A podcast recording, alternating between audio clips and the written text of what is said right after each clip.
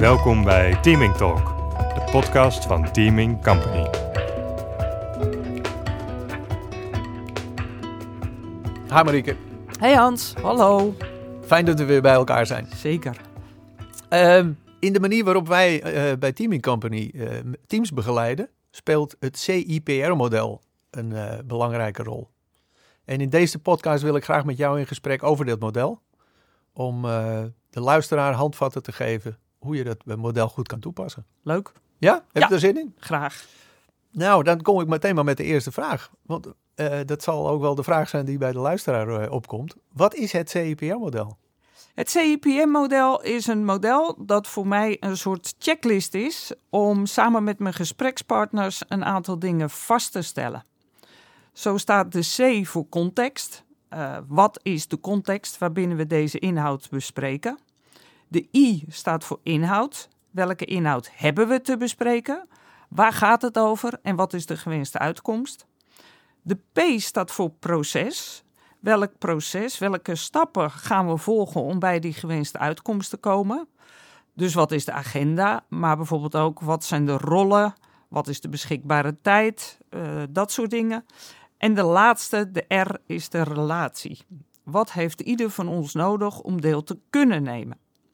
Nou, door CIPR eh, zo te gebruiken aan het begin van een gesprek en daarmee een aantal vragen al te beantwoorden, voorkom je dat gespreksdeelnemers zich afvragen: waartoe moet dit gesprek leiden? Hoe gaan we het gesprek voeren? Welke rollen hebben we? Heb ik? Hebben de anderen?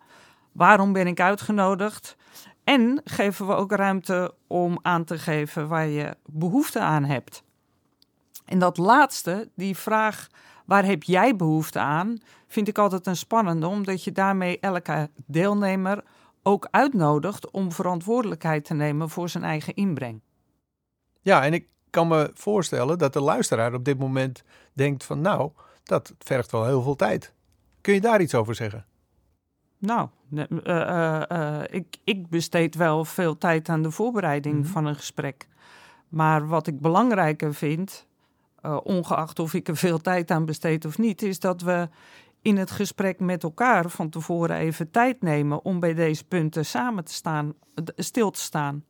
Want het helpt mij Ja. om mijn verwachtingen duidelijk te krijgen en ook om te horen wat de verwachtingen van de ander zijn. Hey, dat, dat geeft ook al een beetje eh, het, het idee van waarom wij bij Teaming Company eh, dat CIPR zo, zo belangrijk vinden. Want wat, wat is de relatie met teaming voor jou? Ehm, als ik dit soort, eh, deze vier elementen met elkaar kan eh, aftikken Ja. of kan bespreken, Mhm. dan is een deel van mijn niet weten is ingevuld. En daarmee wordt het voor mij makkelijker om een bijdrage te leveren, omdat ik snap binnen welke context we hier zitten. Of omdat ik heb afgestemd wat is mijn rol en wat is jouw rol. En van daaruit weet ik dan beter welke bijdrage van mij wel kan en welke niet kan. Dus daarin helpt het me in teaming. Ja, want de, de definitie van teaming die we gebruiken hè, is dat je snel zoveel vertrouwen voelt dat je in dat team elkaar durft eh, uit te nodigen en te bevragen op weg naar het beste resultaat. Ja. En, en juist het aflopen van deze elementen helpt om dat vertrouwen te voelen en met elkaar dat vertrouwen op te bouwen. Ja. Nou, mooi. Hey, nog even een hele andere vraag. Ehm, wat heeft jij ooit bewogen om dat model te maken? Want je, eh, jij bent, eh, eh, jij, jij hebt het zelf ontworpen, klopt dat? Ja. ja. Ja. Wat heeft je bewogen om dat te doen? Dat is wel grappig, want ik ben in voorbereiding op deze podcast weer eens teruggegaan in mijn materiaal. En ik kom er, eh, kwam erachter dat ik ehm, eigenlijk al tijdens mijn studie hiermee ben begonnen. Eh, ik heb eh, Nederlands gestudeerd en eh, ik kwam daarbinnen in aanraking met het werk van Paul Watzlawick. En een van zijn axioma's, hij had er vijf, is: iedere communicatie bezit een inhouds- en een betrekkingsaspect. Oftewel inhoud en relatie. En eh, eh, later, al doorstuderend, kwam ik modellen tegen waarin onderscheid wordt gemaakt tussen inhoud, proces en procedure. Die modellen vind je onder andere bij Van Harten en Linksma of bij Kessel Smit. Maar ik vond procedure te veel klinken als regels of afspraken die door een andere instantie zijn bepaald. Terwijl ik het nou juist zo fijn vind in een interactie dat we afspraken met elkaar maken. En daarnaast vond ik proces en procedure te weinig onderscheidende termen. In die module, eh, modellen sorry, wordt proces gezien als interactie. En toen dacht ik, ja, als het gaat om interactie, dan heb je het dus over de relatie. Ja. Nou, vervolgens ben ik gaan kijken naar de vorm. Hoe ga ik dit nou weergeven dan in een model? En ik ben uitgekomen op een driehoek waarin de inhoud bovenin staat. En onderin in de driehoek staan relatie en proces. Omdat voor mij relatie en proces als het ware die inhoud dragen. Ik zie het helemaal voor me. In andere modellen kom je elementen tegen als lagen op elkaar of zelfs als een ijsberg met alleen de inhoud boven water en proces en relatie eronder. En ik dacht, ja, als je het zo blijft presenteren, dan, dan die, die ijsbergmetafoor, die laat dan ook zien dat relatie en proces iets is wat je onder tafel zou willen doen of zou moeten doen. En dat alleen maar inhoud boven water ligt. Dat vond ik heel raar. Bovendien, jij en ik helpen juist individuen en teams door proces en relatie bespreekbaar te maken. Ja. Dus door die twee boven water te brengen en door ze zichtbaar te maken. Dat scheelt gewoon heel veel gedoe. Mhm. Dus eh, eh, ja, zo ben ik in eerste instantie alleen maar tot een driehoek gekomen. Ja. Want die context, de Ja. cirkel eromheen, ja, die kwam pas later. Ehm, ik, eh, ik besprak het model, dus de driehoek inhoud, proces en relatie, is met een klant van mij, Marcel Tiemann. Ik wil ook zeker zijn naam even noemen. Ehm, en enige tijd later belde hij me en toen zei hij: Dat model van jou, eh, ik, er ontbreekt nog wat aan en dat is de context. En daar hebben we een tijdje over zitten praten met z'n tweeën. En toen dacht ik: Ja, je hebt helemaal gelijk. En, en verder nog, al die andere modellen ontbreekt ook de context aan. En dat, ja, eh, eh, het bewustzijn op de context helpt mij ook om duidelijk te krijgen wat een gewenste of een gepaste bijdrage is. Ja. Nee, en eh, een voorbeeld, ehm, een vraag als ben jij romantisch of heb je een kinderwens, is in de context van een sollicitatiegesprek erg ongepast. Terwijl het in de context van een date wel gepast kan zijn. Eh, we- je hebt het over context. We hebben het nu over context. W- welke verschillende soorten context onderscheiden we? Nou, eigenlijk twee in grote lijnen. Een fysieke context eh, en een non-fysieke context, eh, heb ik het maar genoemd. Ja. De fysieke context is de ruimte en de inrichting van die ruimte. Eh, nou, nu hè, doen we het face-to-face of online. Dan gaan we zitten, gaan we staan. Eh, als we zitten, hoe zitten we dan? Zitten we aan een grote tafel, aan een kleine tafel? Of is er helemaal geen tafel? Zitten we gewoon in een, in een cirkel of zitten we in een theateropstelling? Ehm, als je die tafel hebt, wat staat er dan op de tafel? Is er sprake van iemand die aan het hoofd van de tafel zit? Eh, ook een belangrijke. Eh, is er een presentator? Waar staat hij ten opzichte van de aanwezigen? En dingen als licht, eh, temperatuur, hulpmiddelen, beamer, video. Al die dingen kun je aan denken als het gaat om de fysieke context. Ja. Ja, en wat, wat we ook weten is hoe belangrijk het ook is om aan die fysieke context te denken. Zeker. En dat, we, dat onze klanten waar we mee werken zich altijd verbazen over wat er allemaal mogelijk is. Ja.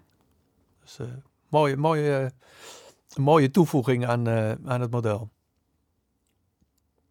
Eh, en je had het ook nog over de non-fysieke context. Ja, ik gaf daar straks al het voorbeeld van een sollicitatiegesprek of een date.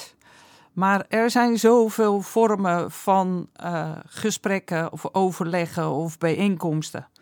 Denk eens aan een stand-up, een werkoverleg, een afdelingsoverleg, een projectoverleg, het MT-overleg. Of eh, meer in de vorm van één op één. Een evaluatiegesprek, een functioneringsgesprek, beoordelingsgesprek, voortgangsgesprek. Dat, dat zijn allemaal vormen die net een iets andere context hebben. Ehm, in de context van de overheid vind ik ook altijd eh, leuk. Een raadsvergadering, een commissievergadering, een algemeen overleg, een nota-overleg, een wetgevingsoverleg. Er zijn zelfs schriftelijke overleggen, schriftelijk overleggen en procedurevergadering. En in die laatste, in een procedurevergadering, wordt besloten welke werkwijze en procedures een commissie kiest om te volgen. Dus de, stilstaan bij wat is de non-fysieke context vind ik wel ook een relevante. Ja, heel erg relevant. Uh, Marie, volgens mij is het tijd uh, dat, wij, uh, dat we eens even wat voorbeelden gaan, gaan doornemen met elkaar. Van de, um, kun jij een voorbeeld geven van als er over de inhoud op wordt gesproken, maar dat het daar eigenlijk niet over gaat, bijvoorbeeld? Ja, ja. Um, voorbeeld ouder vraagt: Kom je eten? En puber zegt ja.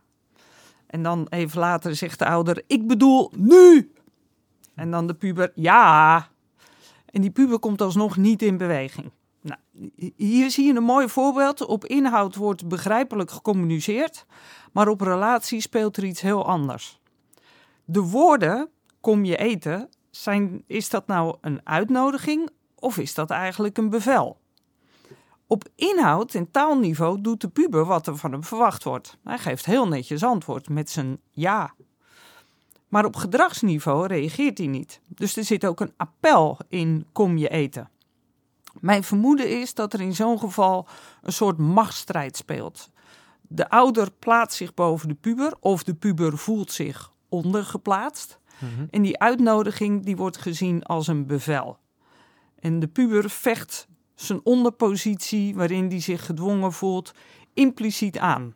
Hij geeft netjes antwoord, maar op relatie en appel reageert hij niet zoals van hem verwacht wordt. Dus in dit voorbeeld zijn het verbale en het non-verbale gedrag niet met elkaar in overeenstemming. Nee, dat is waar. En herkenbaar. Ook bij kleinkinderen trouwens, niet alleen bij kinderen. uh, heb je nog een ander voorbeeld? Ja, wat ik een altijd een leuke vind, is een interview van Adriaan van Dis met schrijver W.F. Hermans uit 1983. Uh, eh, van Dis heeft in die jaren een, een boekenprogramma, nodigt daar schrijvers uit. En uh, Hermans is aan het woord en Van Dis stelt hem vragen. En die vragen kwalificeert Hermans als vervelende onderbrekingen. Waarop Van Dis aangeeft, maar dit is wel een vraaggesprek. En Hermans reageert daarop, geïrriteerd. Nee, nee, dit is een vertelgesprek van mijn kant. Nou, ik ken in mijn vriendenkring behoorlijk wat mensen die dit, dit fragment nog altijd uh, wel eens aanhalen. Als uh, een grappige mismatch. Ja, mooi hè. Een mismatch op verwachtingen ook. Ja. Oké, maar dat is, een, uh, dat is een, een oud voorbeeld. Heb je nog recentere voorbeelden? Nou, eentje waar ik me ook wel eens op betrap. En ik zal hem eerst even toelichten aan, een, aan de hand van een wat algemener voorbeeld. Mhm. Ehm, het wekelijkse groepsoverleg. En in het overleg vertelt de manager dat het MT, dus één echelon hoger, het plan van collega John heeft afgewezen. En de reden die de manager geeft is dat het plan te ambitieus was. Na afloop staat John bij de koffiezetautomaat en hij uh, staat daar met een collega en hij zegt: Ik snap dat het plan te ambitieus was, maar waarom moest hij dat nou tijdens ons overleg zetten? Aha. Hij had mij toch ook apart kunnen nemen. Dat kan zo toch niet, dat dit soort dingen maar even in de hele groep gezegd worden. Nou, je voelt hem al. Ja. John verlegt de aandacht van de afwijzing van het plan, dus de inhoud, verlegt hij naar de manier waarop zijn manager die afwijzing kenbaar heeft gemaakt. En daarmee schakelt hij van inhoud naar proces en relatie. En ik begon dit, uh, dit voorbeeld al met te bekennen dat ik dit ook wel eens doe. Als de inhoud van een boodschap mij pijn doet, dan zoekt die pijn een uitweg. En dan kan ik op inhoud wel reageren met begrip, in dit voorbeeld doet John dat ook. Hè? Ik snap dat het plan te ambitieus was. Maar tegelijkertijd zoekt de pijn ook een andere uitweg. En die vind je dan heel vaak op proces en relatie. Dus dan hebben we het niet meer over de inhoud, maar ik heb iets gevonden over op de manier waarop. En daar blijf ik dan op hangen. Daar hou ik me aan vast om alsnog iets van me gelijk te krijgen. Ja, mooi voorbeeld. Maar eh, hoe ga je daar nou mee om in de praktijk? Nou, dat is, weet je, ik vind dit. De, de luisteraar ziet mij nu niet, maar ik zit met twee handen die, die van links naar rechts en rechts naar links gaan en elkaar totaal niet raken. De een praat op inhoud en de ander zit op relatie en proces. En als je zo door blijft praten, dan blijf je elkaar niet vinden. Degene die op inhoud aan het praten is, die zal letterlijk, ja, ik zou maar zeggen, afdalen, zich moeten bewegen naar het niveau van relatie en proces. En daar duidelijk zien te krijgen wat er nodig is voor die ander om weer op de inhoud door te kunnen praten. En Misschien is het voldoende om aan te geven dat dat niet de intentie was. En als dat onvoldoende is, ja, dan raad ik altijd aan: vraag dan aan degene die zich gekrenkt voelt wat hij nodig heeft om de lucht te klaren. Ga het niet in zitten vullen, want dan, dan kun je heel gemakkelijk um, met hagel schieten en niet weten wat het is. En je kent me, als het even kan, ben ik het liefst lui. Dus dan denk ik, ja, vraag het dan gewoon. Wat heb je nodig? zodat je me vergeeft op wat hier gebeurd is of dat we weer verder kunnen. Mariek, volgens mij hebben we het hele model besproken. En voor mij is de samenvatting: uh, luister goed naar zowel jezelf als naar de ander. En waar hebben we het dan over? Heb je het dan over inhoud of gaat het over proces en relatie? Dus op, het is niet alleen waar hebben we het over, maar ook op welk niveau praten we. En zorg dan dat je aansluit, zoals je dat zo mooi aangaf. En ook uh, non-verbaal met je handen nog uh, ondersteunen. Voor de luisteraar. Dus reageer op het juiste niveau. En je kunt niet inhoudelijk doorpraten, want dat is ook wel de les uh, die we de, de, luisteraar willen meegeven. Als het gesprek op relationeel of procesmatig niveau verstoord is. Dan moet je eerst daar de plooien glad strijken. Waarna je vervolgens op een effectieve manier inhoudelijk weer verder kunt praten. Dus let goed op die non-verbale signalen bij de ander en bij jezelf. Ook als die ander uh, zegt dat er niets aan de hand is. Nee, er is niets aan de hand hoor. Je hoort het aan mijn stem al. Of dat, het, uh, dat er wel degelijk wat aan de hand is. Of dat hij akkoord is met het voorstel. Aan de toonhoogte en aan het, uh, het gebrek aan oogcontact bijvoorbeeld, kun je vaak herleiden dat hij nog niet akkoord is. Maar dat misschien niet durft uit te spreken. En als je in de hitte van het overleg over die signalen bent heen gestapt, dan siert het je als je na het overleg alsnog je gesprekspartner opzoekt en je observaties en twijfels met hem deelt. Daarmee versterk je de relatie. Zeker.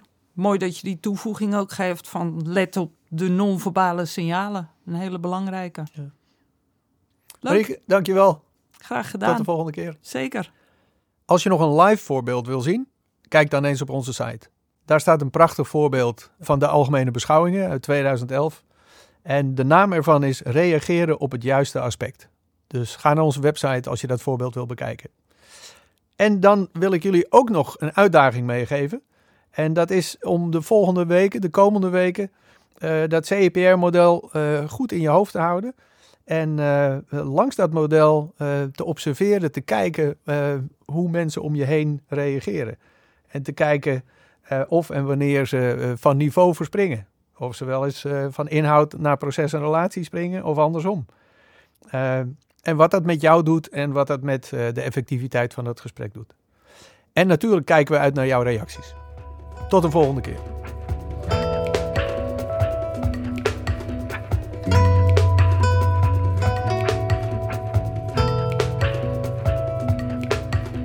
Je hebt geluisterd naar Teaming Talk, een podcast waarin je tips krijgt om elke samenwerking leuker en spannender te maken, zodat jij jezelf laat horen. En laat je horen. Deel je inzichten, geef je commentaar of stuur ons een mail naar teamingtalk@teamingcompany.com.